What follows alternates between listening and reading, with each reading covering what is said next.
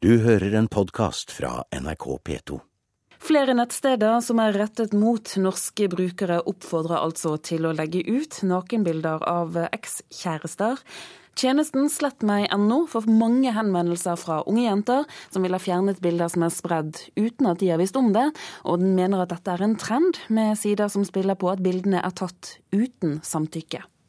Først så ble jeg sjokkert, jeg ble sint, jeg ble fortvila, jeg ble opprørt, jeg ble alt. Toril sto fram i Dagsrevyen med sin historie nylig. I mitt tilfelle så var det jo at jeg ble uforskyldt lagt ut.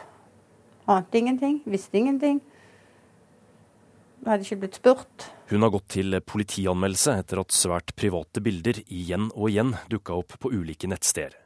Og saken er langt fra unik. Sexbilder og nakenbilder av vanlige folk er en trend på nettet, sier Hans Marius Tessem i Norsis på Gjøvik. Det kan nesten se litt sånn ut at eh, det har blitt en trend å eh, publisere bilder av folk som ikke har gitt samtykke. Og da det kanskje, er det sikkert en ekstra spenning med det, eller et eller annet, men vi ser i hvert fall mer og mer av det. Norsis driver tjenesten slettmeg.no, som hjelper de som føler seg krenka på nett. Tessem viser fram et eh, utenlandsk nettsted retta mot norske brukere, som oppfordrer spesielt til å legge ut bilder av ekskjærester. Bilder du lovte aldri å publisere, som det står. Her er bilder av norske jenter, mange av dem ser ut som de er i tenåra, som poserer nakne og i seksuelle situasjoner. Sånn jeg ser det, så ser det ut som det er veldig mye som er lagt ut uten samtykke. Så jeg tror nok mange som ikke vet at de bildene engang ligger på nett. Det er så stygt å gjøre noe sånn mot en annen person, og det eh, vitner om lite respekt. Slettmeg.no fikk nylig en henvendelse fra ei ung jente som ville ha fjerna bilder fra dette nettstedet. Det var en omstendelig prosess, der hun ble bedt om å sende inn et nytt bilde av seg sjøl. Hvor hun da kunne verifisere at hun var hun, og da legge ved dagens dato på det bildet, sånn at uh, de kunne skjønne at det var ekte. Og det er jo en veldig guffen følelse for henne, fordi at uh, da gir hun jo enda mer bilder og på en måte òg identifiserer seg sjøl. Uh, og du sitter jo med følelsen at uh, blir de bildene sletta, eller legger de bare det bildet der til de andre bildene? Hun hadde ikke så mye hun skulle ha sagt. Nei, Hun er jo helt rettsløs i, i det tilfellet her. Uh, hun er prisgitt moralen til de som har lagt ut bildene, og de som forvalter sida. Så hun hadde jo rett og slett ikke noe annet valg enn å, å gjøre det de ba om. Slettmeg.no har også nylig kommet over en samling lagt ut på et fildelingsnettverk med tusenvis av seksuelle bilder som er kobla sammen med Facebook-profilene til jentene som er avbilda, med alt av private opplysninger som er lagt ut der.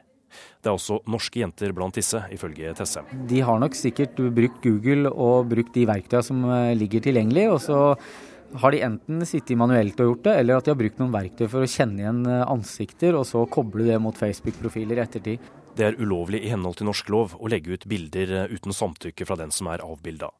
Men å komme i kontakt med de som driver eh, utenlandsbaserte nettsteder, er ofte vanskelig. Det ligger informasjon ut om det som de føler er veldig krenkende. Og de føler en håpløshet i det, eh, og føler seg òg i mange tilfeller veldig rettsløse.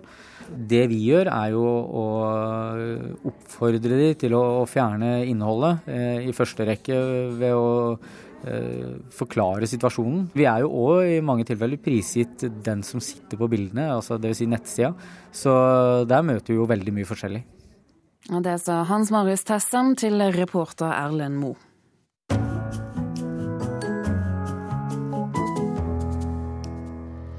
Justisdepartementet vurderer å gjøre det vanskeligere for personer som er dømt for drap og voldtekt, i å gi ut bøker og tjene penger på dem mens de sitter i fengsel. Det vurderes nå en lovendring med tanke på noe slikt, skriver Dagsavisen. Og det betyr at terrorsiktede Anders Behring Breivik sitt bokprosjekt kan bli stanset. Det var før jul det ble kjent at Breivik bruker tiden i fengsel til å skrive bok om ugjerningene og ideologien sin. Det er Stine Sofies stiftelse som har tatt opp forslaget med Justisdepartementet. Henvendelsen tar utgangspunkt i en bok som kom i fjor høst, der forfatteren soner ni års fengsel for drap. Boken inneholder bl.a. detaljerte beskrivelser av drapet forfatteren er dømt for. Justisdepartementet svarer i et brev til stiftelsen at det vil vurdere behovet for en slik lovendring i forbindelse med gjennomføringen av Europarådets konvensjon om vold mot kvinner og vold i nære relasjoner. USA har lenge hatt en lov som nekter forbrytere å gi ut bøker. Generalsekretær Per Edgar Kokkvold i Norsk Presseforbund er skeptisk til et norsk forbud. Han sier til Dagsavisen at forlagsbransjen må ha høy nok etisk standard til å unngå å gi ut slike bøker. Det sa reporter Thomas Alverstein Ove.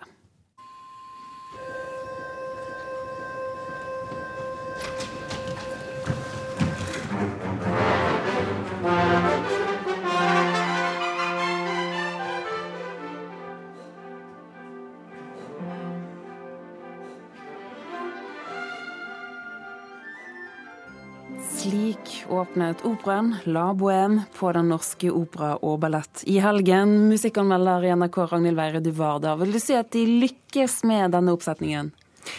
Det gjør de til gangs. Og jeg tror at dette blir en La Bohème som kommer til å vekke oppsikt langt utover eh, denne unge operanasjons eh, grenser.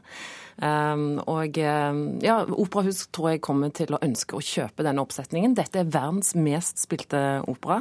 Det er også Norges hyppigst fremførte opera.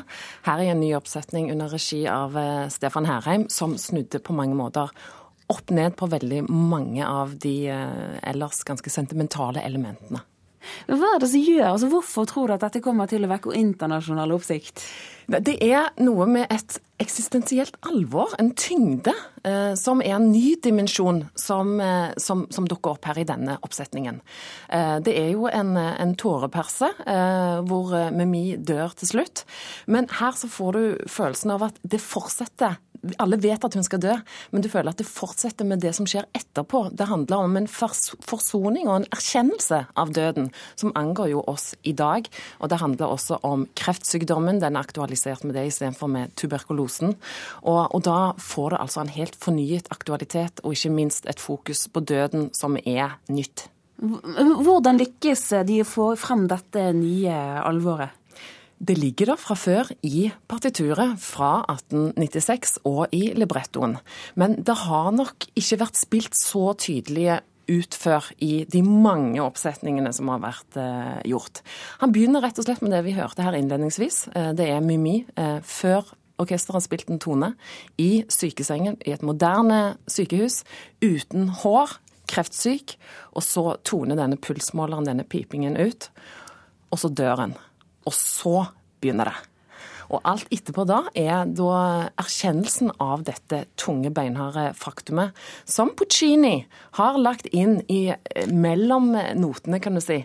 Eh, og, og, det nervøse aspektet med bohemene, da, som Vi får en drøm da, med Rodolfo, kjæresten, eh, hvor han langsomt nærmer seg prøver å nærme seg erkjennelsen av at hun faktisk er kreftsyk og dør. Eh, og det blir gjort med at bohemene her får en helt mye mer nervøs opptreden. Eh, musikken spiller mye mer nervøst opp til dette faktumet som ligger under. Men du får også gjennom dette samarbeidet med dirigenten Eivind Gullberg Jensen en helt ny tyngde i eh, orkesterets samspill med det vi ser på scenen. Og der, da slår klangbildene tungt tungt inn i magen når du sitter og ser på, når det er denne timingen mellom Stefan Herheims regi, som er suveren, og klangen av denne fantastisk vakre musikken som slår til i samme sekund. Det er et gjennombrudd for dirigent-regissørsamarbeid i Bjørvika. Vi skal høre litt mer fra La Bohème. Dette er Marita Sølberg i hovedrollen som Mimi.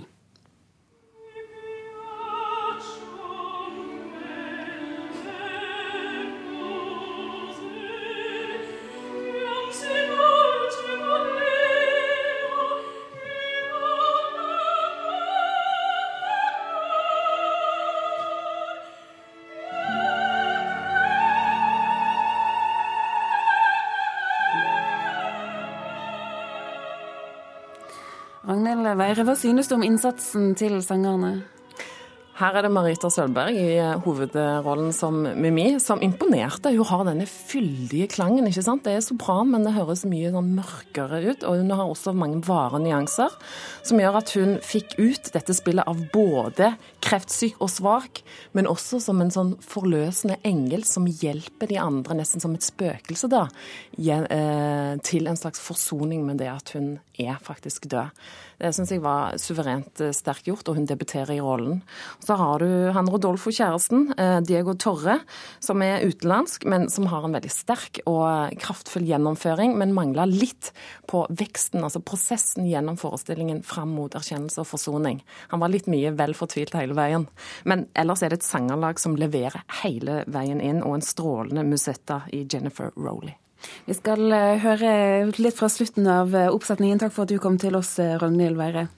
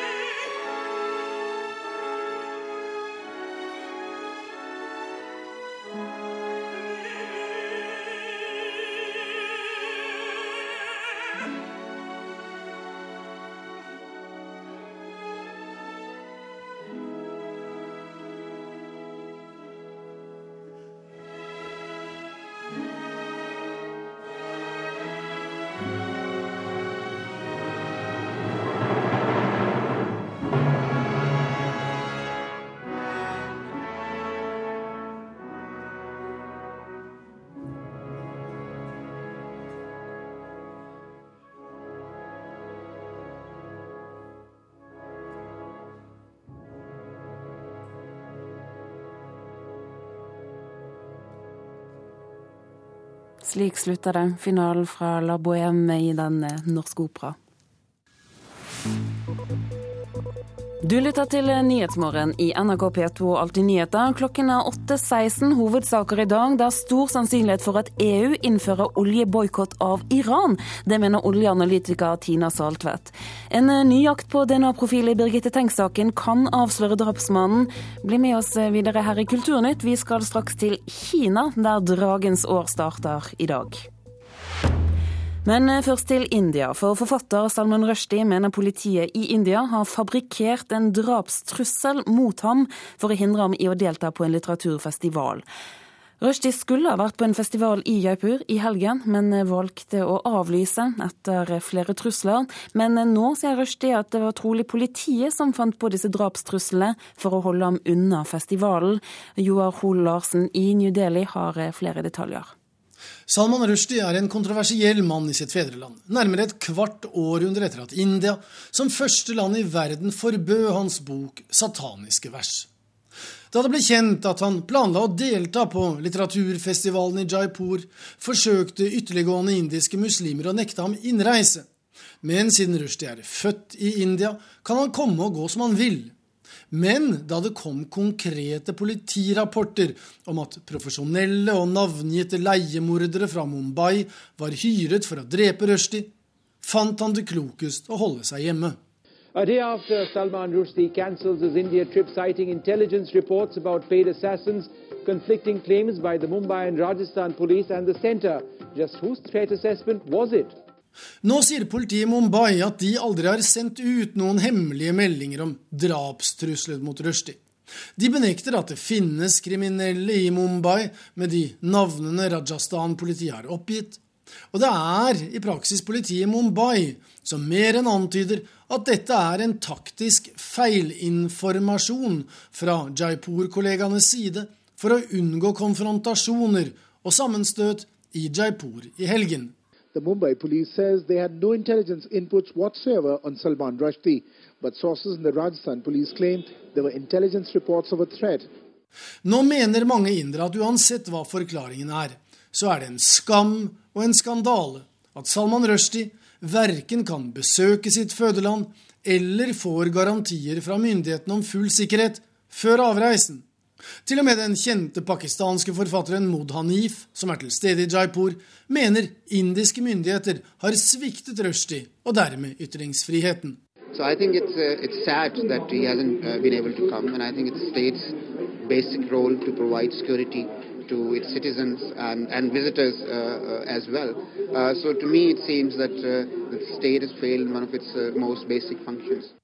I helgen benyttet fire forfattere anledningen til å støtte Rushdie og lese høyt fra sataniske vers fra scenen i Jaipur, mens en rekke kulturpersonligheter, Forfattere, forleggere, journalister, redaktører. Alle som lever av det frie ord, uttrykte sorg og forbitrelse over denne formen for indirekte sensur og ga støtteerklæringer til Rushdie. Men de fire som hadde lest høyt fra den forbudte boken, blir nå truet med rettssak og fengselsstraff. De måtte først underskrive et dokument om at de opptrådde på egne vegne, og at festivalledelsen var uvitende om deres lovbrudd. Ellers ville festivalen blitt stengt. Selv forlot de Jaipur og Rajasthan med en gang de skjønte at en lov fra 1867 om forbud mot å lese fra forbudte bøker kunne bli brukt mot dem. Arrangørene har sendt ut en pressemelding om at dette faktisk er tilfellet. You should know that unfortunately the Satanic Verses is still a banned book in India, and if you read from it, you make yourself liable to arrest and imprisonment and put the festival in danger of immediate closure. Salman Rushdie skulle vært én av mer enn 260 forfattere som skulle ha deltatt og bidratt på Jailit-fest, som inderne kaller Jaipur litteraturfestival.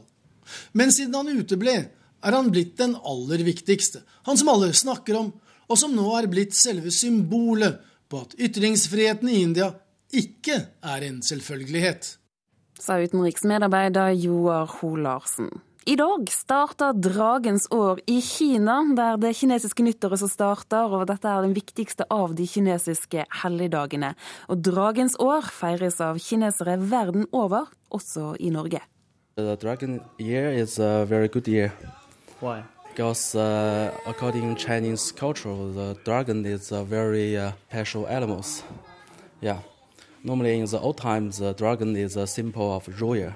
Haifang Wu sitter på sofaen i leiligheten på Billingstad like utenfor Oslo. I bakgrunnen hører vi kinesisk barne-TV som sønnen Yang Yang sitter og ser på. Nå går kineserne inn i dragens år, et år som skal gi hell og lykke. Derfor er det lurt å få nettopp et barn i disse tider. Many young couples they plan to have their baby in Dragon Year. Really? So Yes. it's good to have a dragon baby? Yes, that's true. Yes. dragon is the emperor symbol in the old time, so it's a kind of a lucky symbol. So yeah. Good fortune. Yeah, good fortune. Men selv om det feires med fyrverkeri og god mat, er det biproduktet av denne feiringen som kanskje får mest oppmerksomhet utenfor Kina. Dette er nemlig den tiden på året hvor alle kinesere, fattig som rik, har fri. Og det betyr at de reiser hjem til familien. Alle sammen. Samtidig. Yeah, it's not easy during the Chunjie you travel. I think we have 1.3 billion people live in China, and uh, during the Spring Festival, they will most of them will travel back to their hometown.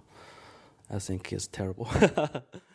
Reporteren det var Jonas Hågensen. Vår Asia-korrespondent Anders Magnus, du er i Beijing. Hvordan kan du merke at feiringen er i gang? Det har vi merket i mange dager nå. Det smelles eh, rundt her. Det har eh, vært fyrverkeri og eh, sånne små kinaputter i gatene i lang tid nå. Og det kulminerte kanskje med det, det meste fyrverkeriet rundt eh, klokken tolv i natt. Da var det overalt i hele byen og store mengder.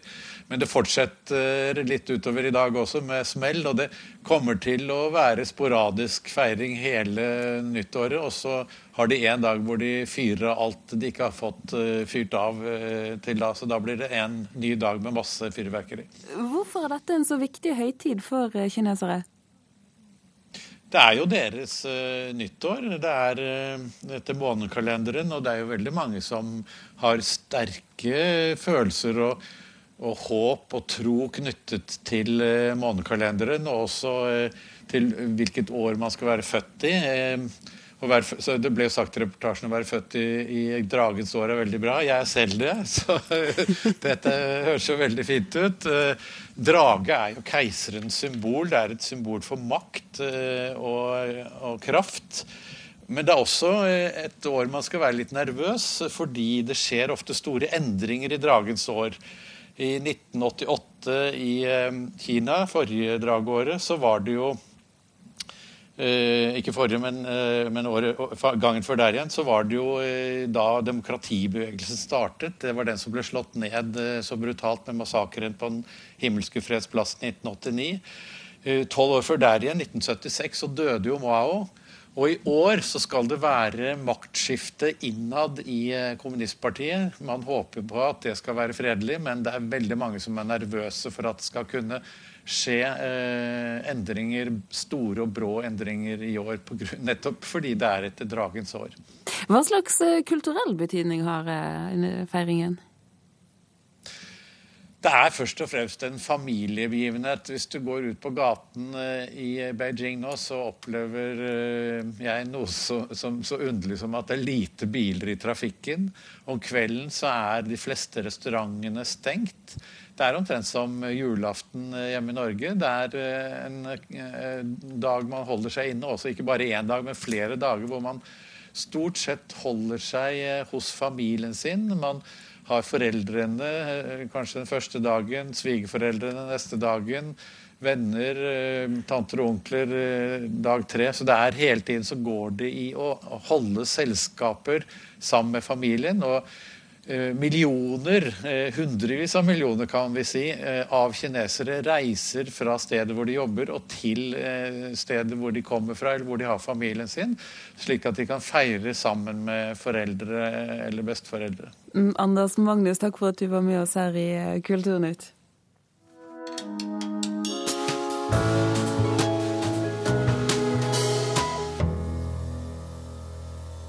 Norge er ett av tre land som er tema i den ferske reportasjeboken De hater det, som er skrevet av den svenske journalisten Magnus Linton.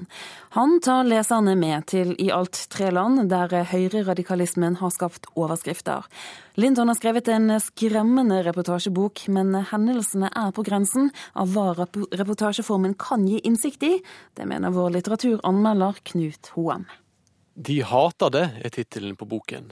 Undertittelen lyder Om radikalhøgerens måltavlor.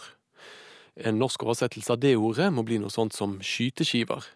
Altså høyreradikalismens skyteskiver.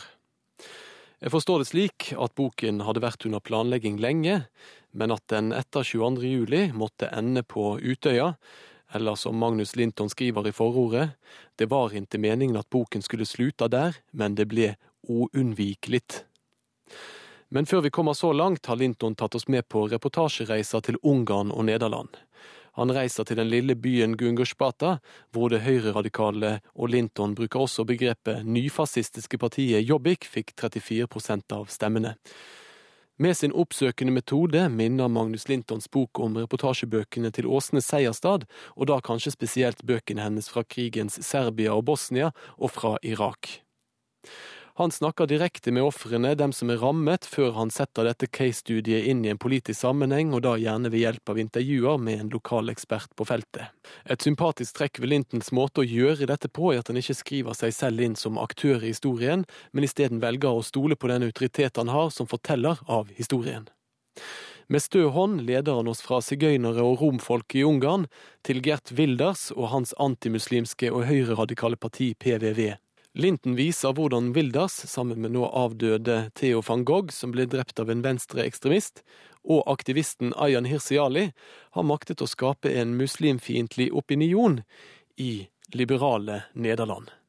Når Magnus Linton så skildrer hendelsene på Utøya, så gjør han dette ved hjelp av intervjuer med de overlevende AUF-ene Jorid Nordmæland og Eivind Barth Eide, samt Ali Esbati, som er analytiker ved tankesmien Manifest. Dertil kommer intervju med Espen Barth Eide, nå forsvarsminister, og Thomas Hylland Eriksen.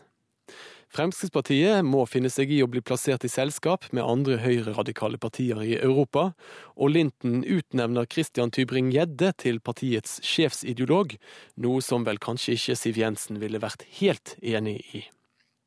Det er denne bokens store fortjeneste at Utøya-tragedien blir sett på i et sammenlignende politisk perspektiv, for høyreradikalisme og høyreekstremisme kan man bekjempe. Så er det også slik at Utøya-tragedien fikk et slikt omfang at den sprenger enhver ramme. Opp mot omfanget av tragedien kommer faktisk også Lintons reportasjespråk til kort.